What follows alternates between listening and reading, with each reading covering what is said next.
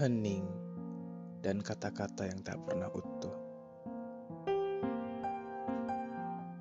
Aku bukan penyair. Aku tak bisa mengirimkan biru pada laut, maupun laut pada bisu. Oh laut, adakah ombak mampu menyampaikan pesan? Kamu yang telah menyentuh inti jantung apakah hari ini baik pada lesung pipimu? Ataukah ia sudah dimekarkan seseorang yang lain? Aku menatap hulu garis hitam putih ini. Mencoba merangkai bintang agar sampai ke kaca jendelamu. Namun kata-kata itu tidak pernah utuh.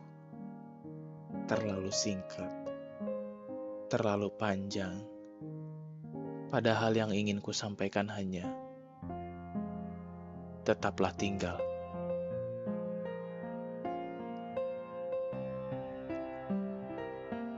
Sepotong itu diputar berulang kali dalam kepala, mencoba mencari jalan keluar dari hidup yang tak berhenti, hingga akhirnya terpikir, mengapa setelah semua tahun ini cinta masih apa adanya.